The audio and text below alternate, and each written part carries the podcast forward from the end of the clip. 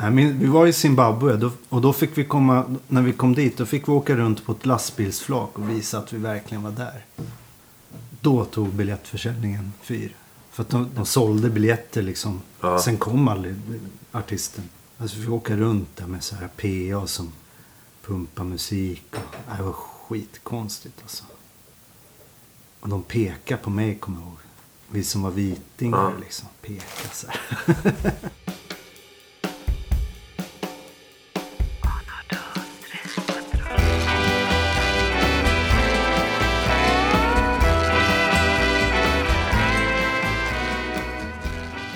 Ja, är vi redo? Vi har allting.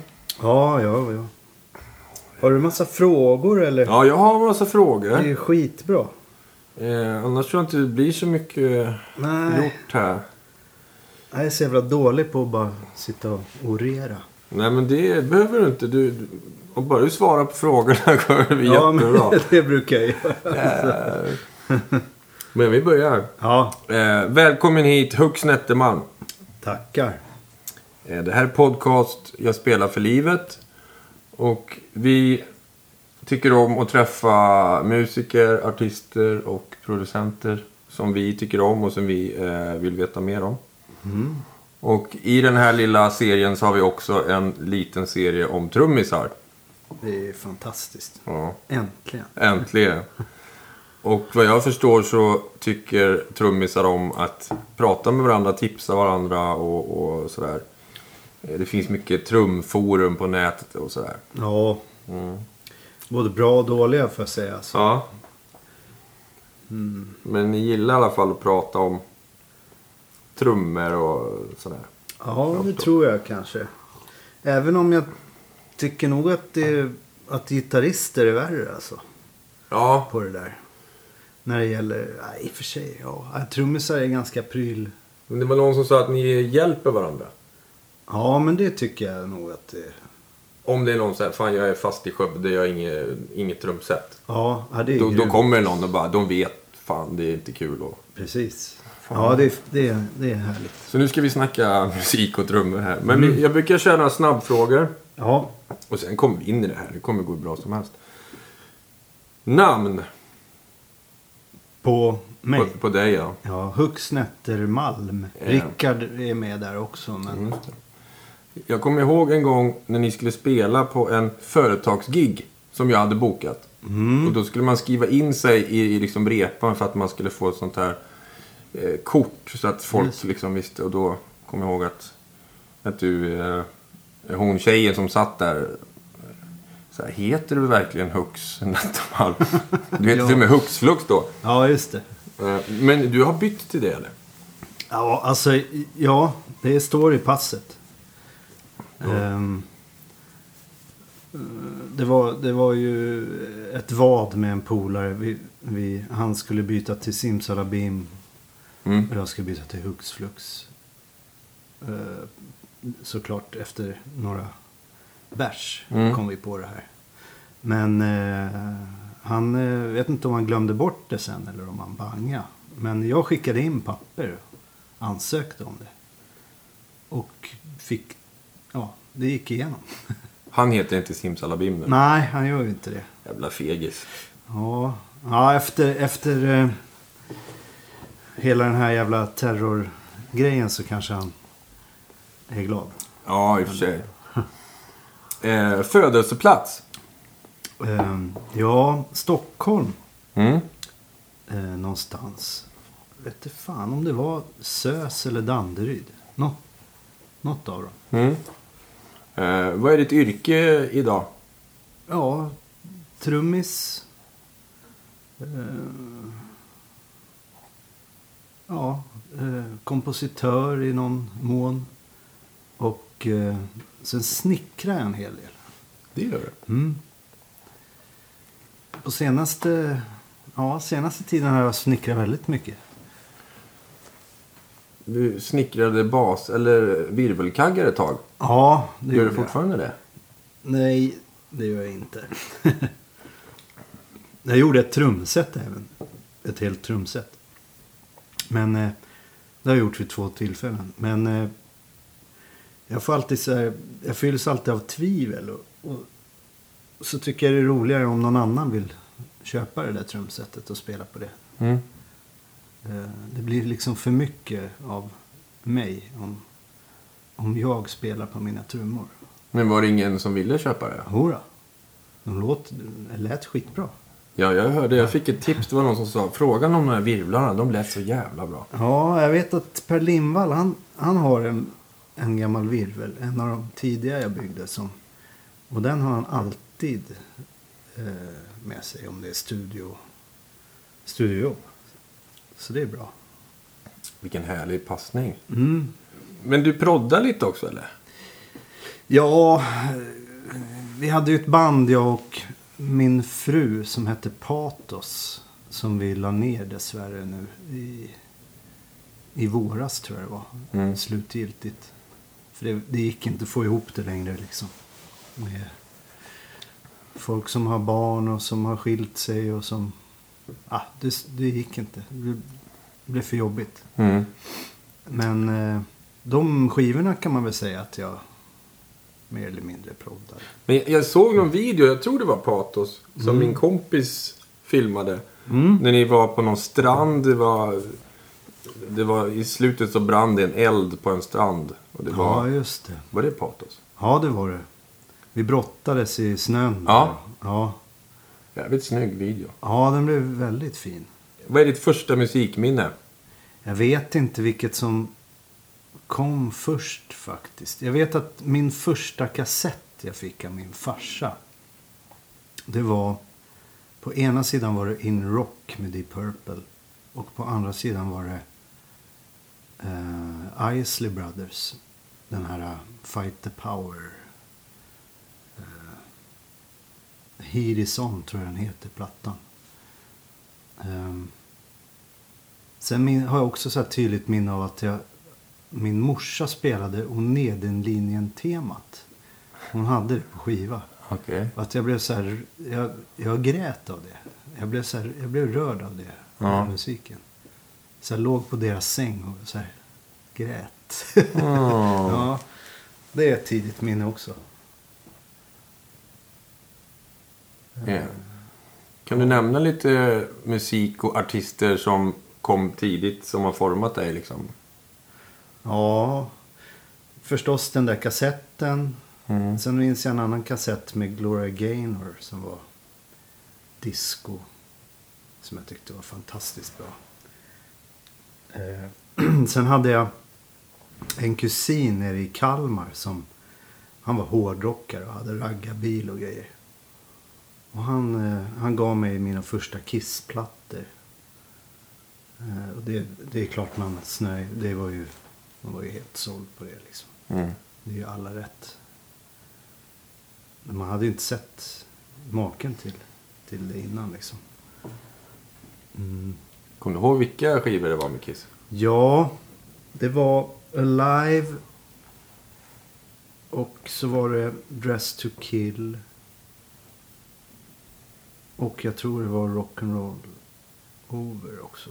Det var det hårdaste omslaget tyckte Ja. jag när jag var liten. Ja, men det, det går ju inte att värja sig. Så det skulle man nästan vilja ha tatuerat nu. För att det är så snyggt. Ja. Eh, nej, men sen hade jag också en kusin här uppe i Stockholm. Som snöade in på Bob Marley. Och, och det är hon med Blomma Fern förresten. Jaha. Ja, eh, och det, det var också så här, blev man också påverkad. Hon var lite äldre än vad jag var. Så, här. så jag snöade svårt in på Bob Marley faktiskt på 80-talet. Eh, jag har varit väldigt så här, jag har snöat in helt på, på, på det jag liksom gillar. Mm. Och då, då lyssnar jag inte så mycket på annat. Liksom, utan då är det bara det. Här, I perioder. Ja. Liksom. Det är jättekonstigt. Men Nej, varför då? Det är... Bob Marley är så mycket. ja, det är Det tar ju hundra år att gå igenom. Ja. Om man ska Ja, det är grymt. Sen så nu, nu ramlar man ju tillbaks på de där grejerna Mm. med jämna mellanrum. Liksom. Ja. Alltså det är rätt blandat. Och sen morsan lyssnar mycket på klassisk musik. Så det, där har man ju fått det. Ja, och utvecklat någon sorts, man har lite så här, vet vad man gillar och Mm. vad man inte gillar. Liksom. Vad var det som fick dig att bli musiker då? Ja, det visste jag nog rätt tidigt tror jag. Eh, jag tror att just trummorna var ju när jag såg Buddy Rich på Muppet, Mupp-showen. Vad Mm. heter det? Mupparna. Mm. Ja. Det var ju... Ja, det, var ju, det är ju det man ska göra. Mm. Animal och, och Buddy Rich alltså. Vilken duo. Ja. Och, och ja, när det var musikprogram på tv på den tiden, då var, satt man ju klistrad. Vad var det? Han Douglas Westerlund på de här notknäckarna eller vad det Mm. hette. Såna, såna där små... Om man kollar vad de hade för grejer. och Man, det, ja, men det är lite den där prylgrejen alltså. Det såg så här coolt ut. Ehm, men eh, jag, jag visste nog rätt tidigt att det var det jag ville göra. Startade du någon band då när du var liten? Ja, Jag hade ju band med lillbrorsan. Men det var ju mest jag på trummor och han på tennisrack. Liksom. Mm. Eh, och så spelade vi till Kiss-plattorna. Men du fick ändå ett trumset liksom? Ja, till slut. Alltså jag byggde mina första trumset själv av burkar. Och, Ja. ja. men det är ju klassiskt. Jag kommer ihåg att jag hade någon sån här skrivmaskinslåda som bastrumma som, som man kunde stampa på. Och sen hittade jag någon hattask som på någon antikaffär med träbotten. Så ganska stor trähattask. Som jag sen hade som bastrumma. Med pedal och grejer. Eh, växte upp i Hagsätra i höghus. Så det var ju problem med grannar. Jag, fick ha, jag kommer ihåg när jag tjatade till med ett, ett riktigt trumset så fick jag så här, stoppa i kuddar i alla trummor så att det inte skulle låta något. Det var skittråkigt. Sen fick jag se det mera tider av grannarna som jag fick spela så här, mellan fem och sju. Eh, men sen spårade våran närmaste granne ur. Jag vet inte riktigt om det var, stod riktigt rätt till där. Jag kommer ihåg hon högg efter min brorsa med kniv en gång. Och så här för att hon tyckte vi väsnades. Så, eh, men då började jag ta ner trummorna i grovsoprummet. Eh, Och ställde upp det där och spelade liksom. Men det var ett problem där också. För det var en bilskola som låg ovanpå. Så, men sen fick jag lokal i Högdalen. På det här Ung utan pung. Mm. Teater. Eh, Så ja, där kunde jag ha mina grejer. Så där hängde man ju skitmycket. Hur gammal var du då? Mm, 14 tror jag eller något så här. 15. Ja, 14, 15 typ. Vad lyssnade du på för musik då? Då var det ju, då var det ju fusion. Då hade vi ju, vi hade ett band i, i, i nian kommer jag ihåg. Som, vi spelade fusion alltså. Och spelade på Fasching och här när vi, när vi var 15 bast liksom. Det var ju- Åkte ni runt med det också? Ja, det var väl mest i i Fasching och Mosebacke och... eh, jag kommer ihåg jag fixade nog gig på Hagsätra torg på Hagsätra dagen. Ja. Och sen det här i, i Farsta där vid badet. Ladan tror jag det heter. Där lirar vi. Ja, vi kämpar på. Men va- var det instrumental fusion eller? Ja, ja. ja. Var... Vad hade ni för förebilder då? Ja, vi lyssnade på... Första där var nog... Det var väl Chicoria och såna där. Mm. Men sen... Sen kommer jag ihåg när John Scofield släppte sin platta med... Ja, i och för sig först med Omar Hakim på trummor. Men sen med eh, Dennis Chambers. Det var ju så här... Shit. Kan man spela så här kaxigt Ja. i fusion liksom? För det var ju, det var ju stenhårt liksom. Eh, sen hittade vi Bill Frisell och Naked City och lite mer så här konstiga prylar. Och...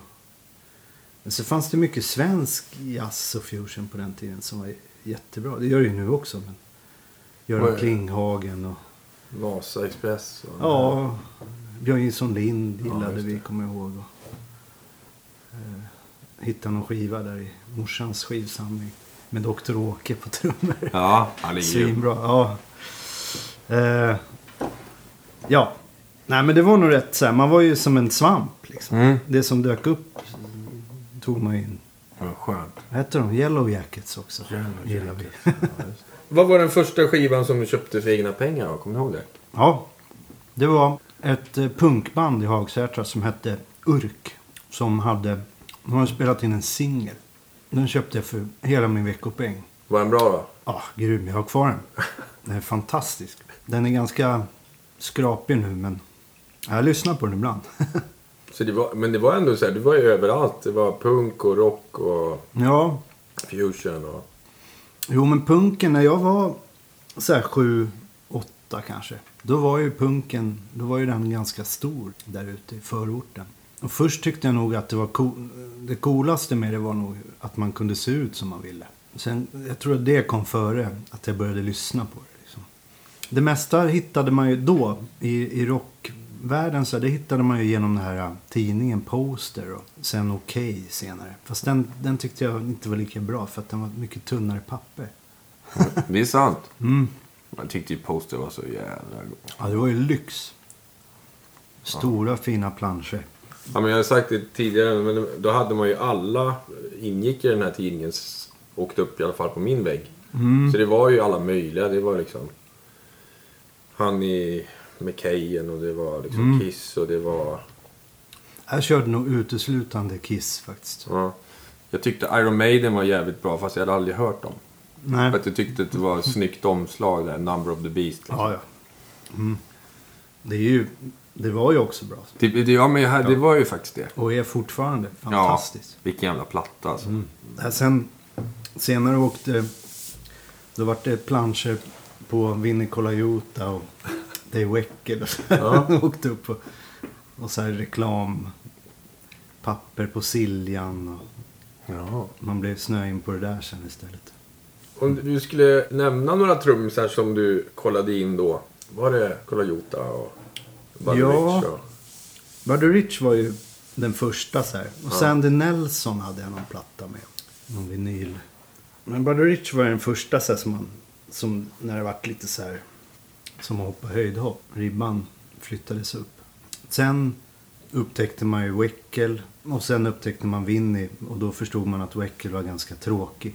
Och sådär lite tillrättalagd i jämförelse. Ja, sen genom Winnie och Zappa och det där med Terry Bossy och... Sen hade jag en polare som var jävligt insnöad på symfrock. Ja. Med Bill Bruford och hette han, Michael Giles och Jamie Muir inte minst. Alltså, och Anders Kjellberg måste jag nämna. Han var en stor hjälte. Kan du berätta om det? Ja, det är en svensk jazztrummis från Göteborg. Som är, är helt makalös. Otroligt dynamisk och musikalisk. Så lite doldis Mm.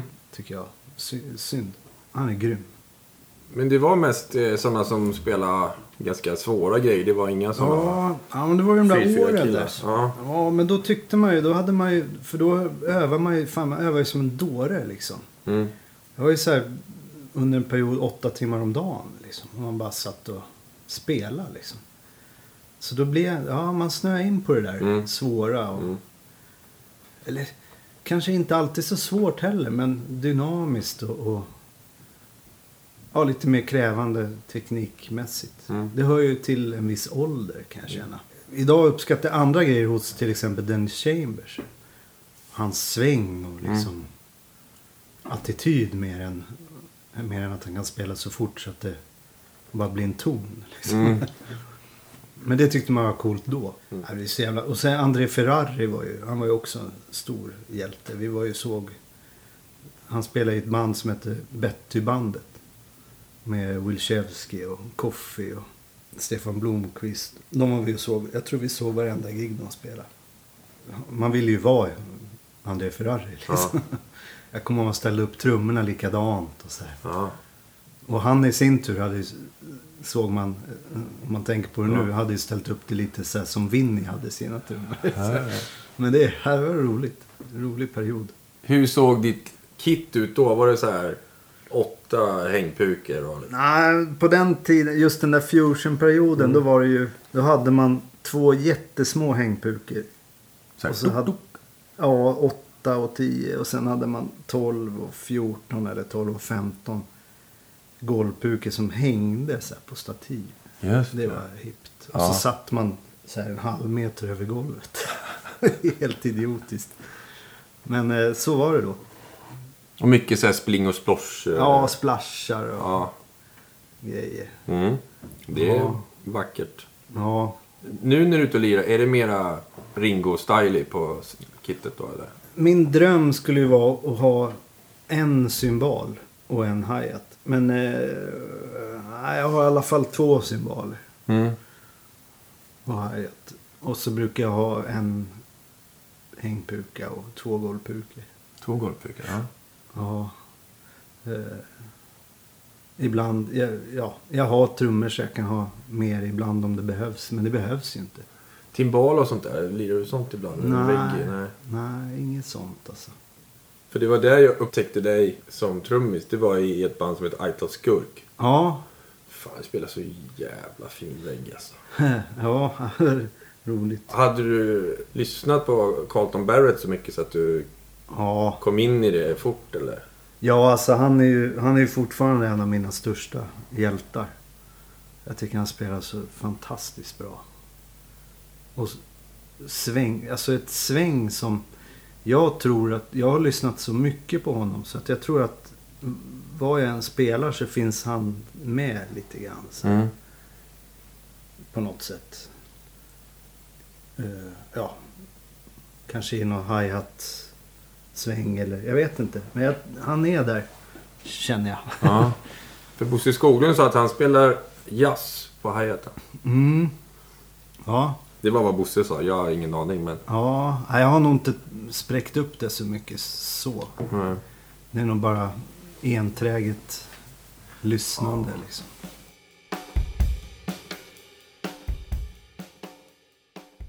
När du hade suttit där och övat och på och ni hade fusionbandet där du var 15. Vad hände sen då? Sen gick vi på Södra och fortsatte med vårt fusionband. Sen när vi gick ut Södra då fick vi jobb med Jon Rekdal. Eh, direkt.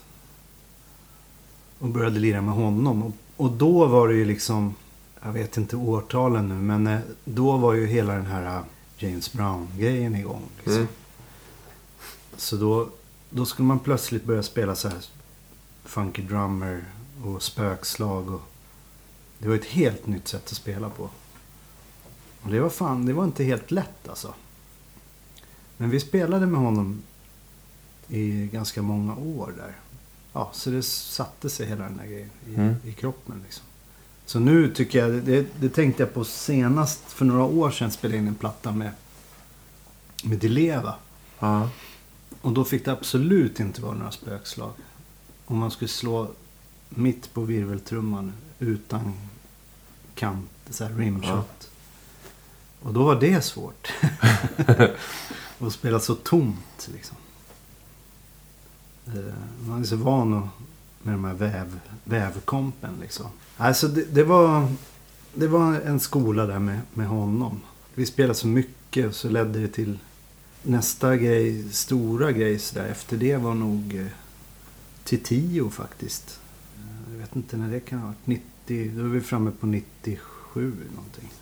Ja. Ja, vi hade ju, just det, vi hade ju, nej vi hade band emellan där. Eh, Fistfunk. Mm. Som jag ham- bara halkade med i på något sätt. Så var det någon slags Rage Against the Machine eh, sound. Mm, Ja, jo lite. Fast nog mer så här Parliament. Mer funk liksom Mm. någonstans. Eller go-go kanske. Fast det var ju hårt liksom. Det är svinhårt var det. Ja, System, hård låt. ja det var ladda på friskt live i alla fall. Ja. Eh, samtidigt då också så hade jag ju fått gig med... Nej fan, det var ju det, var ju största. Då giggade jag ju med, eh, med Dr. Alban. det stod jag ut med ett halvår. Det var ganska speciellt. Hade han ett riktigt band alltså? Ja, han hade ju det. Eh, All heder för det. Samma också med, eh, det var samtidigt med Infinite Mass. De var också tidiga med att ha ett band liksom, i, i den där genren. Ja. Ja, jag hoppade av Alban efter ett halvår, någonting sånt. Då var det, men då hade vi varit, då hade man fått åka till Afrika och åka och spela i Tyskland för så här 30 000 pers. Och två låtar. Ibland playback. Sen, eh, ja. Det var så alltså? Ja, det var jätte, han var skitstor alltså. Han var grymt stor. Träffade Kylie Minogue och såna där. Det var... Det var de här Sing Hallelujah och... Ja, och Cocaine. Just det, kokain. Och Hello Africa. Så. Ja, det var... Ja, det är bisarrt. Det var, det var... Det är kul att se tillbaks på det. Ja. Men samtidigt som du var med Fist, eller körde med Fistfunk, gjorde du inte lite grejer åt eh, Clawfinger också? Samplade de dig eller var Ja. du med i Clawfinger? Jo då. Nej, jag var aldrig med i bandet. Men det var ju de här producenterna som producerade Fistfunk. De gav mig en del jobb där efter. Bland annat klåfinger. Du gjorde jag så här drum and bass-prylar till dem. Mm, jag tror också att jag spelade på någon skiva innan där. Lite mer vanligt. Jag minns inte så mycket. Men det var, var en ganska blandad kompott där. Mm. Jag hörde någonstans att Clawfinger-killarna var fans av Fistfunk. Ja, det tror jag. Vi tyckte nog att de var lite för, inte töntiga, men lite, lite för metal tror jag. Ja. Vi hade nog mer, vi var nog Funky. mer inne på det här med sväng. Och, Mm. Zack var här för någon vecka sedan. mm. Och jag fick aldrig ur honom om de hade någon riktig trummis. Så han bara sa att de programmerade låtarna, eller de programmerade trummorna liksom. Ja, jo men jag var, nu kommer jag ihåg det, nu när du säger det. Jag var och spelade in, de hade spelat in en hel skiva med riktiga trummor. Men så var de inte nöjda med det. Så då hade de programmerat trummor på hela skivan när den var klar. Då var de inte nöjda med det heller. Så då fick jag komma dit och spela hi-hat, eh, cymbal och spökslag. För att få det lite levande. Mm. Jättekonstigt. Jag fick inte slå på ett, två, tre och fyra. Utan allt så här emellan bara. Och det, det jobbigaste av allt var att trummisen som hade spelat från början. Han stod i kontrollrummet hela tiden. Aj, Och såg lite så här ledsen ut. Det var lite... Det var hemskt. Ja, men vad fan. Ja, vad ska man göra? Ja, nej men de hade ju ringt dig. Ja. Men eh, du åkte aldrig runt med Clawfinger och spelade med dem? Nej. Nej. Nej, det var nog massa andra konstiga projekt som man åkte runt med. Och hoppade in i så här. Ja. Men det, var, det där var ju, en- för mig var det där, den perioden, liksom hela grunge-perioden är Mm. fortfarande för mig tycker jag, jag saknar den. Mm. Otroligt mycket bra musik som kom. Mm. Just då kanske man inte tyckte, men nu kan man faktiskt tycka det, att det var mycket bra. Ja, ja, jag tyckte. Jag kände mig rätt så här, hemma där i, i den världen på en gång. Men var det alla de här, Pearl Jam och Blind Lemon och... Ja, Soundgarden och bäst av allt Porno for Pyros. Ja, Jane's Addiction och... Nej, men massa bra grejer. Nu alla rika hör upp, gråt och jämra er över eländet som ska komma, komma över er. Era rikedomar ska multna, era kläder ätas av mal. Ert guld och silver kommer täckas med rost.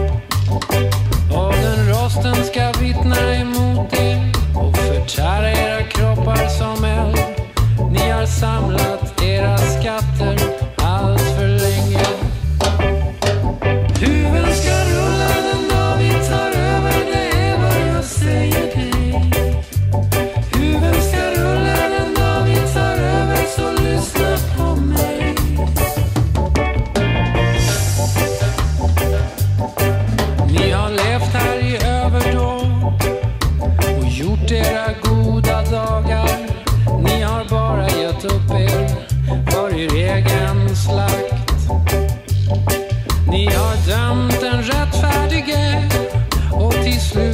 target hands will hang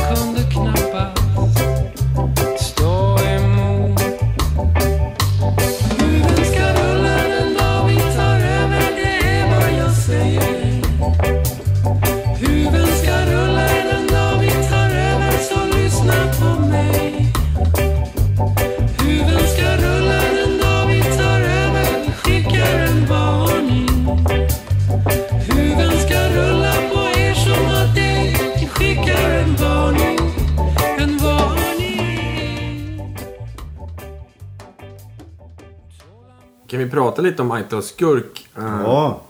Du vill tillbaks in i... Nej, men jag vill bara... Reggae. Det är inget band som kanske är jättestort kommersiellt, men Nej. vi som har lyssnat på det är väldigt engagerade i Aita Skurk på något sätt. Ja, det är väldigt fint av er. Alltså, Arta Skurk var ju jättemycket Pierres, eh, eh, han som spelar bas och producerar. Eh, hans vision sådär. Och han hade ju, han hade inte så mycket koll på reggae när vi började. Utan han, han liksom bara blev bättre och bättre på att spela det. Ljudet fick han ju till jävligt bra snabbt liksom. Men just hans basspel tycker jag blev bara bättre och bättre. När vi hade börjat med det Mm. på reggae. Eh, För det är fan, det är inte lätt att spela reggae. Det är, det är den här klassiska jazzmusiker tycker att rockmusiker, de kan inte lira. Men en jazzmusiker kan ju inte kanske hoppa in i Hammerfall och komma undan. Liksom. Nej. Eh, nej, man måste respektera varandras. varandras eh, det, är, det är en konst i allt alltså. Dansband är säkert skitsvårt också. Jag hade ju Per Lindvall här. Han sa att det var han som spelade på de flesta dansbandshitsen under 80-talet. Mm. Och då förstod jag varför det svänger så. För Ja. det var ju bara proffs som satt och bara mosade in Ja, Vikingarna. Ja, precis. De gjorde så här flera plattor om dagen. ja, för jag hade ju så här höga tankar om eh, Vikingarnas... eh, Så här, "Åh, fan vad det- svänger. För det gör det faktiskt. ja, men det gör det ju alltså. Blue Hawaii, det svänger som man ramlar ju av stolen liksom. Ja. Men det var tydligen... Det var inte de som spelade. Nej, alltså det har väl varit i, genom historien. Det går ju sådana där berättelser om Beatles också. Jag vet inte om det är sant. Vad tycker du? Mm. Ringo liksom. Han är fantastisk. Tycker jag också. Ja. Det där är också en grej, en stor grej för mig med just med det här med ett band. Mm. Att eh, tar man bort en av dem, då är det inte det bandet längre. Nej. Kolla på Stones. Ja. Liksom. Men fan vad de är bra ihop. Det är Exakt. fantastiskt. Ja, det blir magiskt. Ja. Utan Charlie Watts hade ju inte Stones varit Stones. Nej, och jag tvivlar på att de hade levt. jag tror att han håller i tömmarna lite så här. Ja. Det är samma med ett av mina absoluta favoritband, Radiohead. Ja. Den trummisen är inte så... Han är inte så... Det är inget märkvärdigt. Men det han gör med Radiohead är svinbra alltså. Han är bra där liksom. Ja, han är grym alltså. Fan vad kul. Ja, jag fattar inte varför folk vill klanka ner på, på um, Ringo. Nej, men det har blivit någon sån här legitim grej att, att göra på något sätt. Eh, För alla trummisar verkar ju tycka han är ja, fantastisk. men han, f- han spelar ju helt out liksom. Ja. Om man börjar kolla in det så. Ja. Det är ju jättekonstigt. Men musikaliskt. Han är ju musikalisk. Mm. ja. Heja Ringo. Ja. Eh, om vi skulle prata lite milstolpar då. Mm.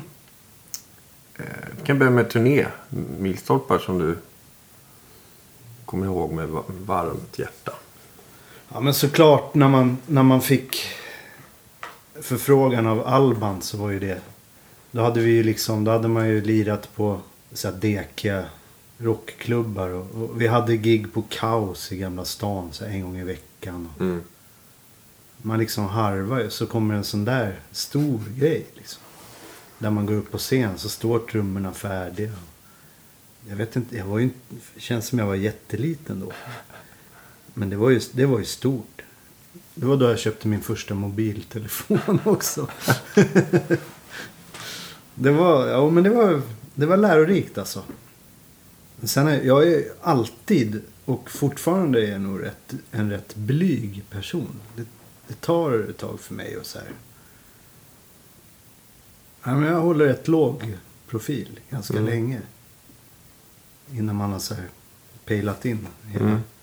Så att eh, man var nog rätt, jag var nog rätt så här tyst på den. På den turnén. Eller turnén, det var ju, det var ju en period där. Vad var det för andra musiker som var med då? Ja, det var Coffee på bas. Frid över hans minne. Eh, Chuck Anthony på gitarr. Och så var det en kille som hette Kodjo på keyboard. Som var helt värdelös. Men han var kompis med Alban typ eller? Ja, han, alltså, jag för mig att han var från samma stam där Alban är prins. Så att han kan inte kicka honom. Det är någon sån där grej. Ja. För han tryckte in samplingarna när vi spelade. Det var mycket samplingar. Mm. Och det satt fan aldrig. Och det var jag som fick skulden för det. Ja, det är klart. Han Ja, var- trummisen är out. Ja, nej, det var, det var lite jobbigt. Nej, sen var det dansare och det var tuffa dansare från London. Det var så alltså. Ja. Och Maria Blom tror jag hon hette. En keyboardist till. Ja. Som var ihop med Kodjo. Ja, det var bisarrt. Och då åkte ni och spelade så här, typ stadium. Ja, stora gig liksom. Och ibland behövde vi inte ens åka och spela som... Jag kommer ihåg att vi skulle åka och spela i Indien. Och då fick vi betalt i förskott. Men sen behövde vi inte åka dit. För de skulle bara höja sitt BNP. det var jättekonstigt. Var är de giggen nu? Ja, Men det var ju synd. Mm. Det var varit kul att lira i Indien med Alban. verkligen. Nej, men vi var i Zimbabwe och då fick vi komma, när vi kom dit, då fick vi åka runt på ett lastbilsflak och visa att vi verkligen var där. Då tog biljettförsäljningen fyr. För att de, det var tydligen så, samma sak där. Att det, de sålde biljetter liksom. Ja. Sen kom aldrig artisten. Nähä. Men eh, alltså vi fick åka runt där med så här PA som pumpar musik. Och, det var skitkonstigt alltså. Och de pekade på mig kommer jag ihåg. Vi som var vitingar Ja. liksom. Pekade så här. Kolla dem. Ja, Hur funkar det i Zimbabwe? Var det succé eller var det sådär? ja, det var, ja, det var toppen. Det var ett ganska stor, typ som kanske som cirkus. Mm. Så stor. Körde två kvällar i rad där. Och det var, det var nog fullsatt alltså. Men det var ju tunnelseende. Man, var ju, man höll ju på att skita på sig liksom. Jag hade aldrig spelat så där stora gig. Hur får man ordning på det? Från att spela sunkpubbar till, till det? ja, liksom? ja, men man, som nu, nu, jag, nu saknar jag att bli nervös. Mm. För att man får ju kräm av det också liksom. Mm. Ja, man, man bara genomlider det liksom. För att det är så jävla kul att spela. Ja. Så man måste göra det. Trots han med samplingarna. Ja. Jag, jag har till och med spelat liksom när jag varit riktigt sjuk. Det, det är någon så här, man, man ställer inte in Nej. gig liksom. Nej, men det är faktiskt konstigt. Eller vi har pratat om det tidigare. att Den arbetsmoralen som finns inom underhållningsindustrin Mm. finns ingen annanstans. Nej. Ja, men det är ju. Man kan inte ringa och liksom få sjukpenning eller något sånt där. Utan, Det finns ju ingen eh, Rickard Nettermalm 2 som man kan säga nu får du köra. nej, det är också svårt. Så var det ju på, när jag jobbade på Stadsteatern så då är man ju fast där liksom. Mm. Men då, man hade ju gigs och ibland var man tvungen att sätta vikarie. Och det var, det var inte helt lätt alltså. Det, det är svårt att sätta vikarie. Och man vill ju gärna sätta någon helst bättre än vad man är själv liksom. Vill man det? Jo, men det, det är någon sån här stolthetsgrej liksom. Men tänk om han får, eller hon får gigget då? Ja, det Men varför har vi Rickard sittande så här? Ja. Nej, men då är de så... skådisar är så jävla inkörda på. De är, så här, de är ju hyperkänsliga liksom. Minsta lilla så här, Jag tror mina Vick har fått rätt mycket skit alltså. Ja. De har gjort det hur bra som helst men det är någon liten så här timing-grej som skiljer sig. Då får skådisarna spader liksom. De är ruggigt så här finmaskiga alltså. Fan. Ja, tråkigt. Ja, men, nej, ja, men de är fina. Jag tycker skådisarna där som sjöng och höll på, de är otroligt modiga. Vissa har ju aldrig sjungit förut. Och så ska de sjunga liksom. ja. Vad, vad körde ni? Vad var det för Ja, föreställning? Eh, Djungelboken var det. Det var då vi hamnade där. Och eh, sen gjorde vi den här eh, Musketörerna. Det var jättemycket sång liksom. Fick du spela i så här 1700-talskläder då? eller Ja, det var ju någon sorts eh, modern. Det var ju hårdrocksmusketörerna liksom. Mhm. De var ju hårdrockare. Och så var det några, liksom armén där, de var så här stjärtiga. Lite mer så här 80-tals töntiga liksom. Var syntare? Ja, ja men du vet. Det är han, eh, han regissören där är ju, han är ju jävligt rolig alltså. Han är mörk, eh, Eidem heter han. En norrman. Ja, ett sidospår. Men eh, Ja. ja, men det var bra. ja, Men inspelningen då? Någon så här, några milstolpar som du kommer ihåg? Ja. Det, det är ju alltid, ja men som Fistfunk-skivan där. Det var ju skithäftigt. Vi spelade in i Nord Studios som inte finns längre. Eh, Det var ju fantastiskt. Och alla var helt så här kollriga liksom. Ja. Det... Eh, ja, första plattan med Patos. Det var ju också helt osannolikt att Stockholm Records skulle liksom ta upp ett konstigt eh, proggband. Liksom. Mm. Men det var, fan hette han nu då? PEO. Han lever tyvärr inte längre. Men han var så här eld, så här musikälskare liksom. Mm. Som liksom, han, han gav ut oss på, på sitt samvete på något sätt. Mm. Det var ju, det var ju skithäftigt. Jag, när vi spelade in den plattan, jag tror jag ägde två mickar eller någonting. Som vi gjorde den här plattan på. Och någon gammal rutten Mac-dator liksom. Mm. Som hängde sig hela tiden. Men det, det, var, det var fantastiskt. Har du gjort någon inspelning i såna här Flådstudios sen då? Ehm, ja, ja alltså. eh, Polarstudion spelar vi ju in i. eh, Lite olika grejer. Vad gjorde du där då? Eh, med Gadd spela in. Just vad har jag gjort mer där? Ja, Jon Rekdal faktiskt. Vi spelade in på nätterna. För han hade hyrt den för något så här reklamjobb. Och sen på nätterna spelade vi in något som hette Fuck Bitch, tror jag. Som var någon så här märklig metal. Ja, han bara skrek och det vevades på i konstiga taktarter. Jag tror inte det gavs ut någonsin. Men det var rätt hårt. Uh, sen, har vi, sen har jag ju varit trumtekniker där mot, åt uh, något här norskt metalband. Och varit nere och varit trumtekniker åt Rammstein. I, uh, i Nice. I så här värsta lyxstudion där nere. I något så här gammalt slott. Men där, det slutade med att vi spelade in trummorna i biljardrummet. För där smällde det på bäst. Det var så? Mm. Men hur fick du det gigget med Rammstein? Ja, det var genom eh, Jakob Hellner som var en av producenterna på Fistfunk. Mm. Ja, just det. Han gjorde Ja. just det. Han gick vidare. Han gör dem fortfarande tror jag. Mm. Ehm, nej, så jag åkte ner en vecka. Första klass flygbiljett. Stämde trummor så här på morgonen. Och sen bara drack vin och käkade ost liksom. Och var ute och sprang så här, i bergen. så stämde man lite så här. Ja. Det var väldigt glassigt gig alltså. Fan, vad härligt. Mm. Nej, sen Atlantis har vi spelat in på en hel del. Det är väl den glassigaste studion som, som finns kvar fortfarande. Ja. Janne Hansson va, som sitter Mm. Fantastiskt. Ja. Konsert då?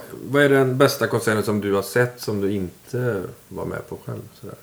Live? Åh jävlar, det är svårt alltså. Ta några stycken. Ja, jag minns när min polare från Öland kom upp för att se Status Quo på, eh, på Hovet. Var det. Mm. Då hängde jag på honom. Jag, jag var ingen Quo-fan men det var fan mäktigt. När hela Hovet iklädd jeans och jeansjacka stod och hoppade sig upp och ner. Det var mäktigt. Ja, de var ju svänga låtar. Ja, det var svårt att värja sig faktiskt. Han var så jävla lycklig. Han bodde ute på vischan liksom. Ja, Ja. eh, ja, det var bra. Men sen, eh, jag och frugan, vi har varit och kollat på Jon Spencer Blues Explosion några gånger. Det är, tycker vi, det, det är fantastiskt bra. Vilket jävla band.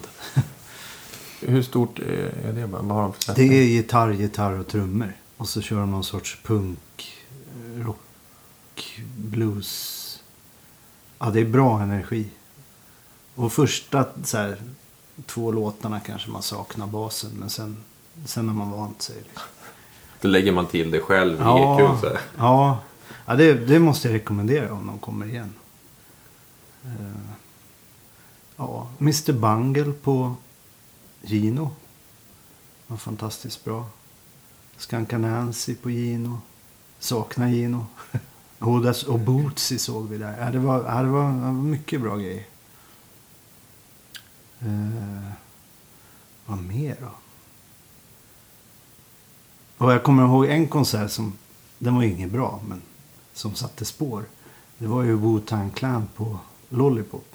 Ja. Som inte var Wu-Tang Clan. Det var några andra snubbar som de hade satt upp på scenen i deras kläder bara. Det var bisarrt. De skickar bara fakturan och eh, några som liknar dem. Ja, typ. Jag tror att ADL var en av dem. Som var på scen. Jag vet inte, men jag tror det. Ja, för fan. Ja, det var konstigt. Några gig som du har gjort då som du kommer ihåg som är extra minnesvärda? Det är såklart med när vi spelade på Fasching första gången med Kanon Kalkon hette det där fusionbandet. Och det var, vi slog publikrekordet. Som innehölls av när Prince hade varit där och jammat. Nej. Och morsan, min morsa satt i kassan. Kommer jag ihåg. Det var ju Ja, det- så här. Ni körde dörren-deal på... Ja. det var ju, det var mäktigt. Då var man så här skönt febrig när man gick upp på scen. Jättenervös. Ja. Hade du svept en vinare innan då? Eller? Nej fan, vi var ju små alltså. Nej, ni var bara 15. Ja, Så det var hela ditt, din släkt som var där? där Ja, ja det, det hade fyllt stället. nej, nej, men det var så här folk från plugget och folk från Södra och folk från Ackis. Och, Mm. nej, men så här. Det hade blivit någon så här snackis liksom. Mm. Eh, Här kommer nya fusion-undret liksom. Ja, men vi var ju grymma alltså. Om man lyssnar på det nu, då är det helt sjukt vad vi spelar. Vad roligt. Så kan vi inte spela längre. Finns det utgivet?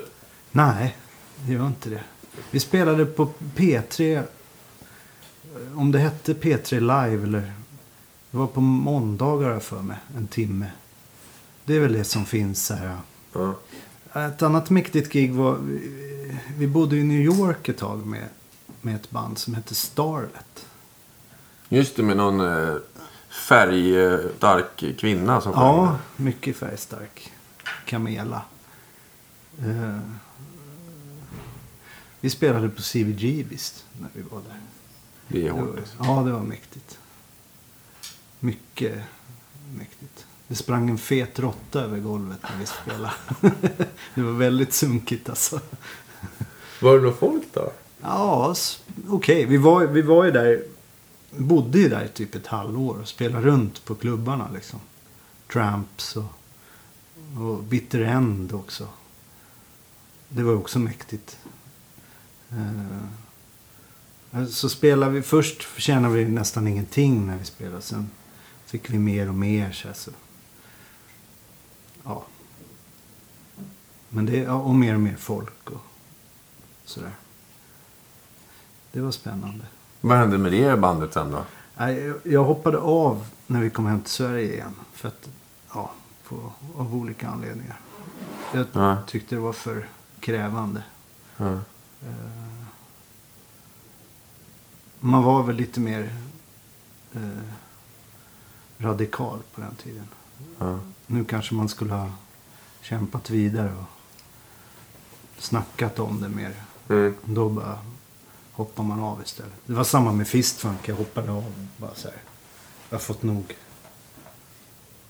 Ja, men du har ju ändå gjort...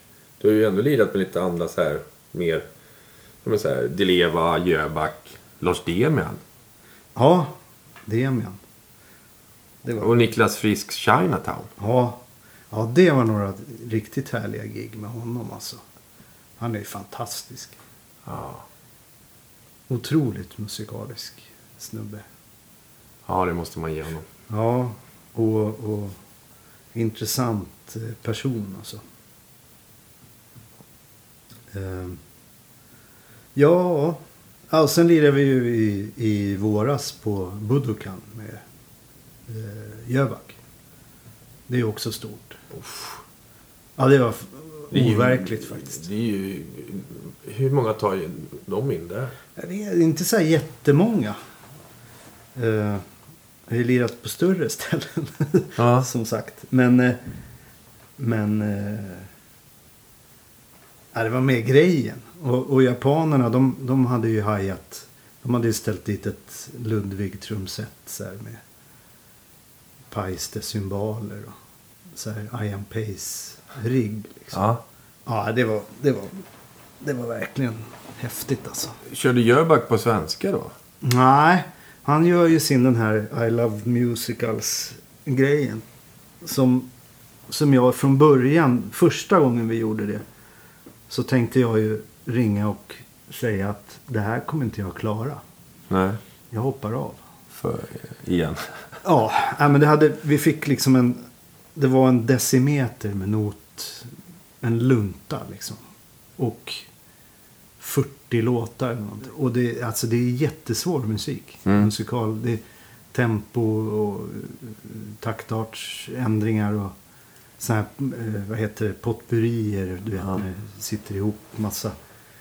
Och dirigent och stor symfoniorkester. Och så skulle det vara någon så här hotshot-dirigent från West End. Liksom jag såg framför mig någon så här gubbe med stort skägg. Som, Ja. som var jävligt elak. Ja. Var han det då? Nej, det var en asskön snubbe. Ja. David White heter han. Jättefin. Men eh, grejen är att våran keyboardist, han hade dagen innan ringt och sagt upp sig. han hade känt likadant Ja. och hunnit före mig. Så då, då fick jag så lojalitets... Då kan inte jag hoppa av heller liksom. Nej. Eller också. Så att eh, jag gjorde det. Och nu så här i efterhand så är jag ju skitglad. Det har varit jätteroligt. Hur många gig gjorde ni med det där då? För ni var i Japan ett tag va? Nej, alltså första året så då åkte vi i Sverige, tror jag, Norge, Finland. Eh, Och det har vi gjort några gånger sådär med den grejen. Eh, Sen nu då gjorde vi det i Japan med, med andra gäster. Det var någon japansk så här, Disney-röststjärna. Och så var det amerikanska stjärnor som var helt värdelösa faktiskt. Mm. Jag fattar ingenting. Och så Peter som är helt über. Han kan ju gå upp klockan sex på morgonen och sjunga hur bra som helst. Liksom. Eh, Men eh, han, jag tror han, eh, jag tror han liksom ska försöka slå sig in i Asien där. Så att han, han tog de här som är stjärnor där. Ja. Eh, För att få som lite dragplåster. Så vi gjorde, vi gjorde bara två gig. På samma dag. Vi repade där två dagar och sen spelade vi på lördagen. På förmiddagen och på kvällen. Det var det. Och det satt? Ja, Ja, den Tokyos Sinfonietta Mm. är ju... De slår ju alla på fingrarna alltså. Det är det bästa jag hört. Ja, mäktigt ändå att sitta. För jag pratade med Per Lindvall om det. Han sa att när det är ett sånt gig och det inte är klick. Mm. Då, då är det trummisen som är dirigenten egentligen. För de hänger på dig. Var Ja, jo men det, det är väl det. Vi hade ju en annan dirigent på en av de där.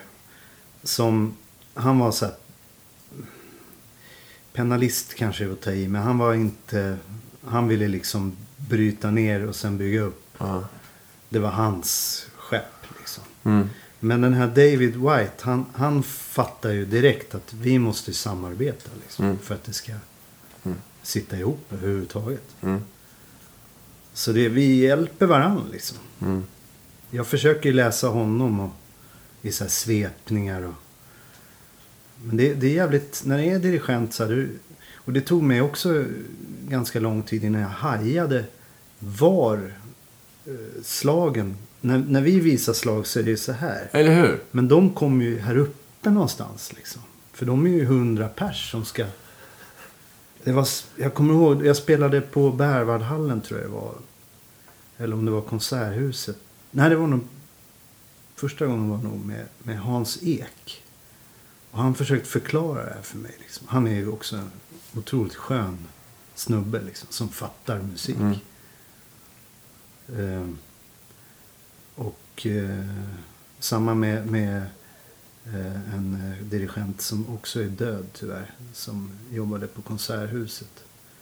Som själv var cellist från början. Som hajar liksom. Att vi måste vara tillsammans. Ja. Det går inte att vara så här, stå och vara arg och sträng och, och skrika liksom. Det blir inget bra. För man har ju sett när de står och liksom viftar där, dirigenterna. Men man fattar inte vad, alltså så här. För jag trodde ju också att, att, han, att man går på olika slag eller 1, Ja. 2, 3, 4. Ja, det är en helt annan skola alltså. Hur Och det- lärde du dig den då? Fick du bara nöta? Nej, jag höll ju masken bara. Det, det, och så gör man myteri där det Mm. behövs på något sätt. så får ju de följa mig. Ja, för det är ju, några låtar måste väl börja med 1, 2 och så börjar det. Ja. Ja, det är det svåraste av allt. Ja. För jag får ju aldrig räkna in. Det ska ju han göra. Och då är det ett litet vift så här bara. Och så ska man... Det vart ju, det vart ju total katastrof i början alltså. Men sen hittar man på något sätt. När man kan kommunicera med, Mm. med han som ska bestämma. Mm. Då hittar man ju ett språk som... För hans skull också liksom. Mm. Att, att vi är på samma ställe. Fan, kul. Ja. och så fick du åka till Japan som jag förstår är stort för dig. Ja, fy fan. Det har ju varit Japan-freak sedan jag var sju bast typ. Snöade in på deras formspråk liksom på något sätt. Allting från Japan är, är vackert. Tycker jag. Ja, jag är beredd att hålla med. Mm. Det var någon som sa att du gillar så här ninjor och svärd och Ja, den prylen också. Ja, jag tränar väldigt mycket sånt ett tag. Men eh, jag är som sagt snöar ju in på grejer. Så då, Tränar du ninja? ja, ninjutsu. Ja. Det gjorde- det var flera stycken i, i Fistfunk som hade hållit på med det. Får man ha så här kaststjärnor och dräkt och... Ja, vi tränar ju allt sånt där. Fan vad kul. Mm. Ja, det fattar jag att ni gick igång på. Ja, Så om det blir tjafs på scen så kan du kasta ja, trumpinnar jävligt bra. ja, ja, skitbra. En symbol. Symbol, ja. det gör ont. ja, det gör ont. Hi-hat-lock i, i, i ryggen liksom. Ja. Ja, fy fan.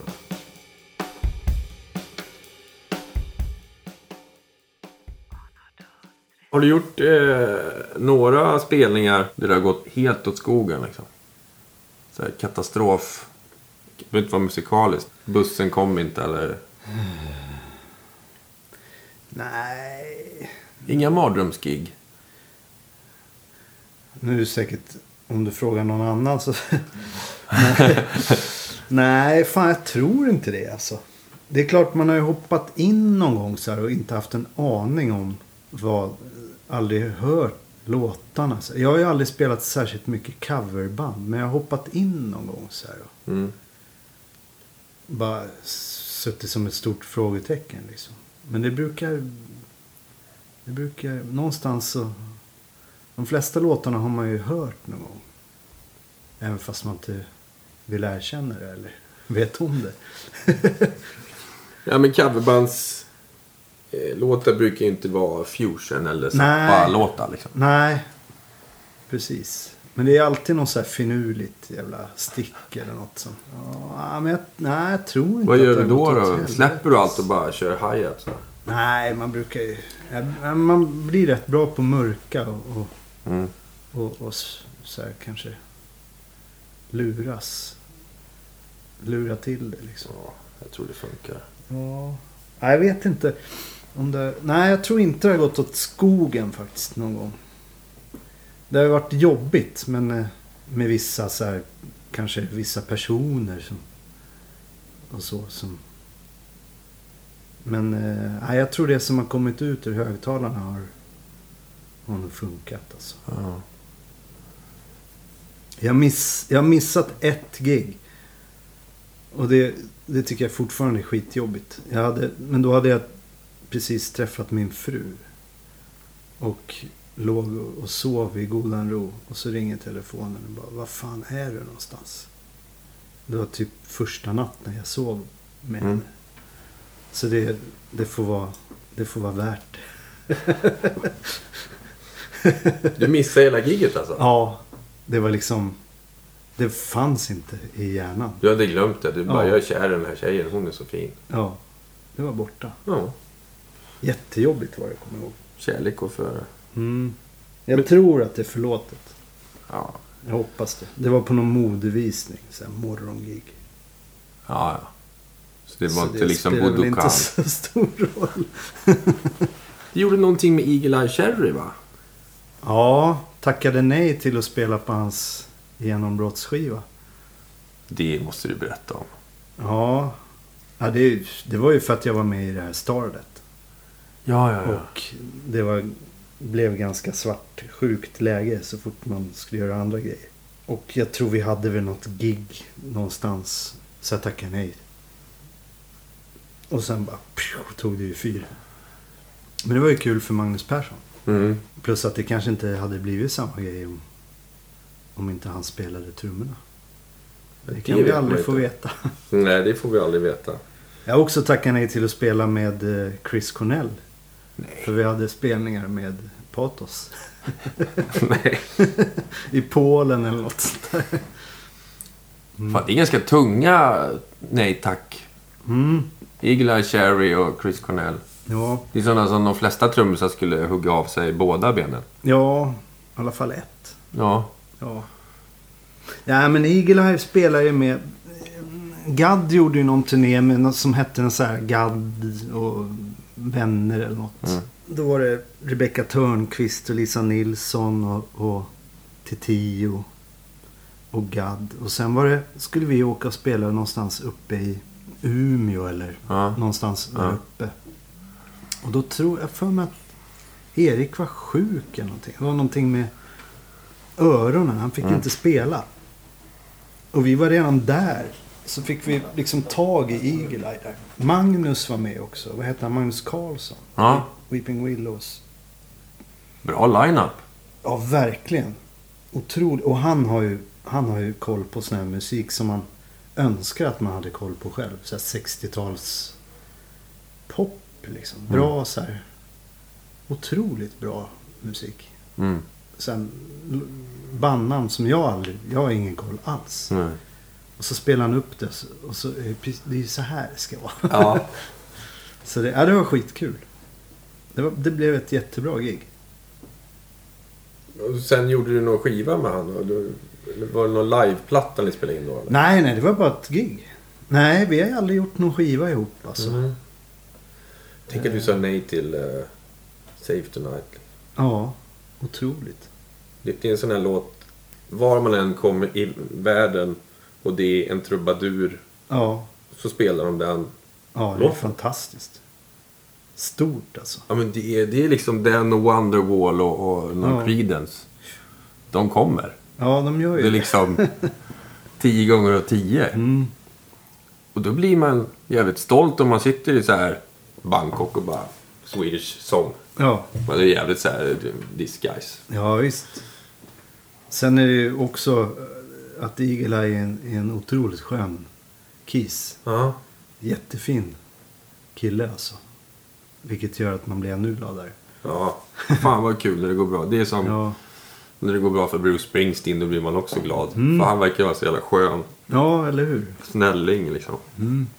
Jag tänkte ta upp en grej som eh, jag tycker är rolig. Jag vet inte vad du tycker, men du är med i en Hassan-sketch. Ja, jag är ju inte så rolig där kanske. Nej, men det är ändå... Det är en sketch när Fredrik Lindström ringer till slagverket. Och så svarar du. Så säger han att han har problem med sin eh, kagge för den sjunger. Och så spelar han upp, jag vet inte, vad är det? Typ? Det är Bonham man Ja, spelar. det är Bonham man spelar upp. Ja, Jag... jag, alltså, jag jobbade ju där några år. Och eh, det, det ringde så mycket knasbollar dit alltså. Så att det var ju, ja, det var ju perfekt att ringa dit. Ja. Och man höll ju masken liksom för alla knasbollar. Och försökte vara, vara till lags. Du Så pratar jag- om dämpringar. Ja, jag försökte liksom övertyga honom att det var det han skulle ha. Han bara avbryter mig hela tiden och spelar upp det här klippet liksom. Jag hade ingen riktig koll på Bonham då heller. Jag, jag hörde ju att det var något inspelat och jag tyckte det lät skitbra. Så jag fattade inte riktigt vad han, vad han var missnöjd med. Men eh, ja, det var, det var märkligt. Men ändå stort. Ja, eller? Jag, är ju så här, jag gillar ju Monty Python. Liksom. Ja. Och Hasse och Tage. Jag tycker Ja. inte att den där humorn är så här jätterolig. om jag ska vara inte. ärlig. Slagverket Rickard. Tjena! Fredrik Lindström här. Tjena. Jag har ett Ludvig-set. Ja. Har lite problem, tycker det sjunger mycket i min baskagge. Har Jaha. svårt att dämpa upp den på rätt sätt. Jag vet inte om du har några tips. Det finns ju såna här ringar som man kan sätta i. Vänta, kan jag få höra lite hur det låter?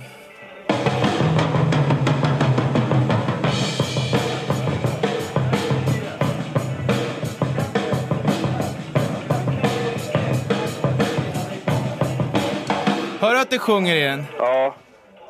Ja, vad tror du jag ska göra? ja det finns ju så här dämpringar alltså. Som man kan sätta i på skinnen så att säga. Ja, det, är lite, s- det är lite slappt liksom. Men virveln låter okej va? Det hade varit fetare om du varit med i Hasse och Tage faktiskt. Ja, fy fan. Oj, oj. Det var väl Bosse Skoglund. Han var väl med och lirade där. Ja, han sa att han låg dubbelvikta alla giggen. Ja, jag förstår det. Det är så otroligt bra alltså. Ja, det här Lindemann. Ja, De skivorna hade man ju satt och lyssnat på. ja precis. Ja, shit.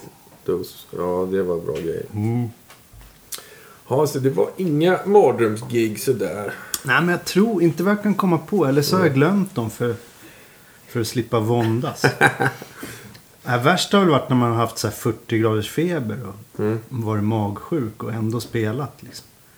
Då gör varje slag ont i hela kroppen. Ja, det är bra gjort alltså. Ja, Ja, just magsjuk måste ju vara ja, värst. det är idiotiskt gjort i och för sig. Men Mm. ja, Nej, det måste bli gig alltså. Mm. Vi hade någon spelning också så här. Det var vi som var band och så var det massa gäster. Och våran kontrabasist. Dagen innan vi skulle spela någon så julgrej. Mm. För sms bara så här. Han bara, jag är magsjuk. Ja, Och vi, ja, så här. Men han, han bara, men jag tror att jag kommer. Ja. Så kom han och gjorde det här giget. var säkert vet, så 40 låtar. Han kommer inte ihåg någonting. Nej. Han var helt vit och bara stod. Men det ja man bara bra. kör liksom. Ja. ja det var, jag kommer ihåg ett sånt gig med, med Gadd. Mattias Törell s- sa efteråt att fan, du borde alltid ha feber. Schysst! ja, han tyckte det var skitbra. Du är lite så här slow och... Ja, men lite, jag spelar på ett helt annat sätt än, än vad jag... Du spelar varannat slag. Du bara får Ja. spara på. Ja, det var hårt alltså. Men på Stadsteatern, där hade de någon magisk piller, kommer jag ihåg. Som jag, det, då var jag mag, riktigt dålig liksom. Du fick en jävla piller som så här, bara stoppade upp allting. Men jag hade fortfarande feber så här, och låg bakom trummorna så här, när det inte var... Och så petade, det var också Torell faktiskt. så här petade bara, nu är det dags. Så bara, så spelar man. Och sen ner igen så. Ja, det hade du inte gjort om, om du jobbar på Swedbank. Nej. Då hade man legat och tyckt synd om sig själv Mm. i sängen. Mm. Det kanske är Det är bättre. jävligt synd om de som jobbar på Swedbank. Ja, det är fan alltså.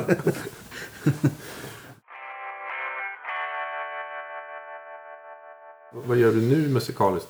Nu spelar jag med ett band som heter eh, Brooklyn Funk Essentials.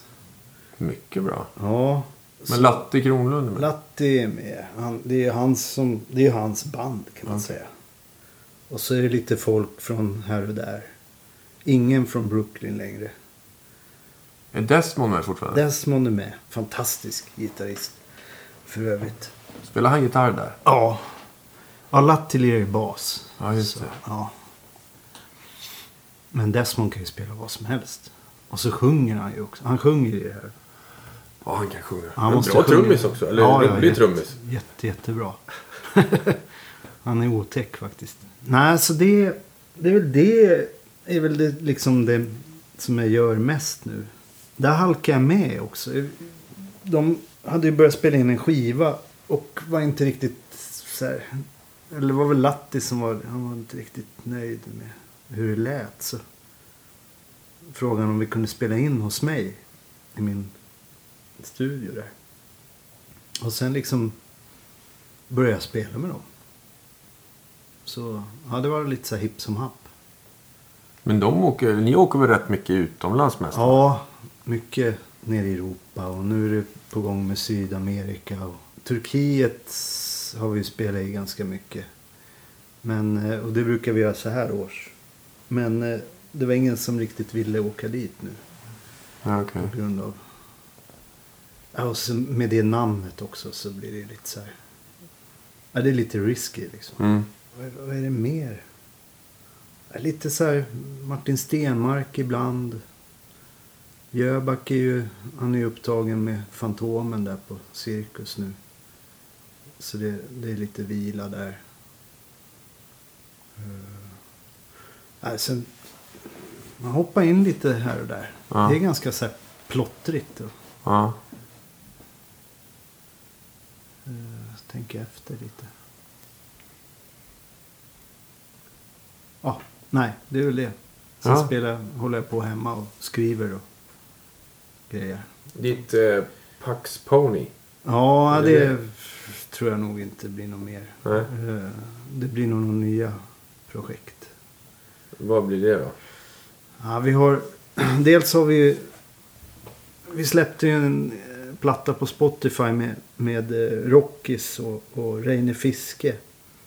Som vi spelade in för ganska många år sedan. Men sen, jag och Rockis har lyssnat på det där flera gånger och bara fan, det här måste vi ge ut. Liksom. Så det finns ute. Det heter Domherrarna. Och eh, det ska vi göra något nytt med nu har vi tänkt. Eh, och eh, sen jag och frugan efter att vi la ner Patos har också en grej som vi vill göra som ska heta Beyond the Forest. Efter filmen. Eh, som blir, det blir väl det blir väl lite patosaktigt så här. Ja. Lite filmisk rock, eh, elektro på något Ja. sätt. Men om du får frågor från lite andra grejer, ska du säga ja då, tänkte du? Ja, jag var nyss i, i eh, USA och spelade med eh, ett band som heter Soundscape. Okej. Med Anders Åstrand från eh, Chromata på vibra och, och marimba. Och sen eh, en eh, slagverkare som heter Thomas. Nu kommer jag inte ihåg efternamnet bara för det. Eh, Men han, är, han, är, han spelar så här Ableton Live dator och eh, ja, Pandeiro slagverk och så. Mm. Så vi var och spelade på en stor sån här convention, så slagverks med Peter Erskine var där och Jojo Mayer och eh, ja, massa såna där Mm. trummis. Riktigt nördigt. Aha. Men det var skitkul. Ja, det förstår jag. Mm. Tycker du om att du är bra? Nej, det vet jag inte. Det är ingen som kommer- fram och bara Jo. You're the best drummer I ever heard. Jo, det kom fram folk. jo, det gjorde det. Kan Ja, du det ni svälja det då, att de tycker att du är bra? Ja, men det är jättekul. Mm. Och på något sätt där, där det är så... I USA, USA är ju så jävla stort liksom. Och det var ju folk från hela landet. Så. Och de är ju jävligt så här... Ja, men det är ju trumsetets på något sätt vagga. Alla de, eller nästan alla de största är ju därifrån. De har ju en tradition på det. Mm. Så det är ju skitballt. Finns det något projekt som du skulle vilja spela med? Som, kan du säga det nu så kanske du får lida med någon. Ja. Ja, Jag är öppen för förslag. Alltså. Jag, som sagt så är jag väldigt förtjust i det här med band. Ja. Det som händer. Att man repar och liksom bygger upp någonting. Det blir... Eh, vissa artister får man ju det där med också. Ja. När det känns som att man är med i, ett, i bandet. Liksom. Mm.